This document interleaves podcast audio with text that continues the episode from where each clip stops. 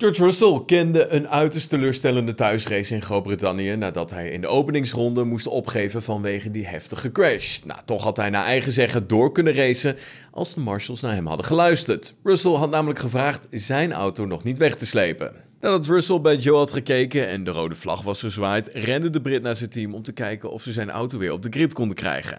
Nou, George vertelde de marshals dan ook om zijn auto nog niet weg te slepen, omdat hij nog verder wilde rijden. Echter, toen hij terugkwam, stond de auto al op de oplegger van de vrachtwagen. Toen ik naar het team ging, heb ik de marshals gezegd mijn auto nog niet weg te slepen, omdat mijn auto officieel nog in orde was. Ik wil dat alleen even bij mijn team navragen.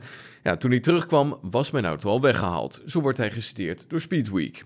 Ja, het is natuurlijk frustrerend, want ik had in ieder geval de zesde plaats nog kunnen behalen. Al dus George Russell. En het team van Williams introduceerde afgelopen weekend voor het eerst dit seizoen een groot updatepakket. De auto van Albon werd voorzien van flink wat aanpassingen, terwijl de wagen van Latifi onveranderd bleef. Vanwege de wisselvallige weersomstandigheden werd het echter niet de perfecte setting om een flink aangepaste wagen aan de tand te voelen. Sterker nog, het was zelfs Latifi die zich voor het eerst in zijn carrière voor Q3 wist te plaatsen, terwijl zijn teamgenoot Albon niet verder kwam dan de 16e plek. Ja, ook tijdens de race kon de snelheid van het nieuwe pakket niet worden getest, want Albon raakte betrokken bij die flinke startcrash, waardoor zijn wagen werd afgeschreven. Ja, dat is mogelijk ook slecht nieuws voor Latifi. Hij moet waarschijnlijk nog langer wachten totdat hij de upgrades krijgt.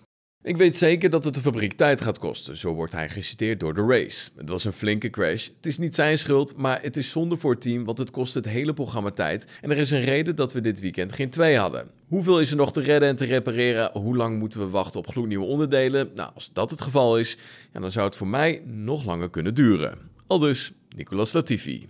Bij de Grand Prix van Oostenrijk aankomend weekend worden zeker 50.000 Nederlandse Formule 1-fans verwacht, zo schrijft de Telegraaf.